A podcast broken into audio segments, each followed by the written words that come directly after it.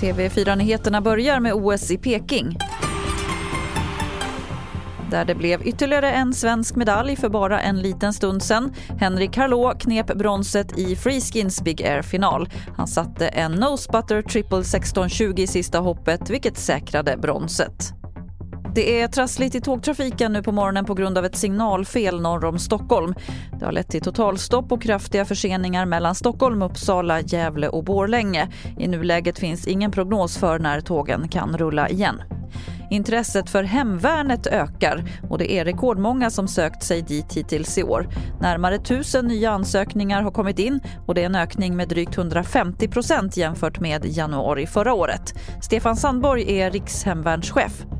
Det är en unik eh, mängd av ansökningar och den gäller det ju nu att vi förvaltar in i det här för att verkligen få den effekt som vi behöver av eh, de som vill engagera sig och de som vill bidra till försvaret av Sverige.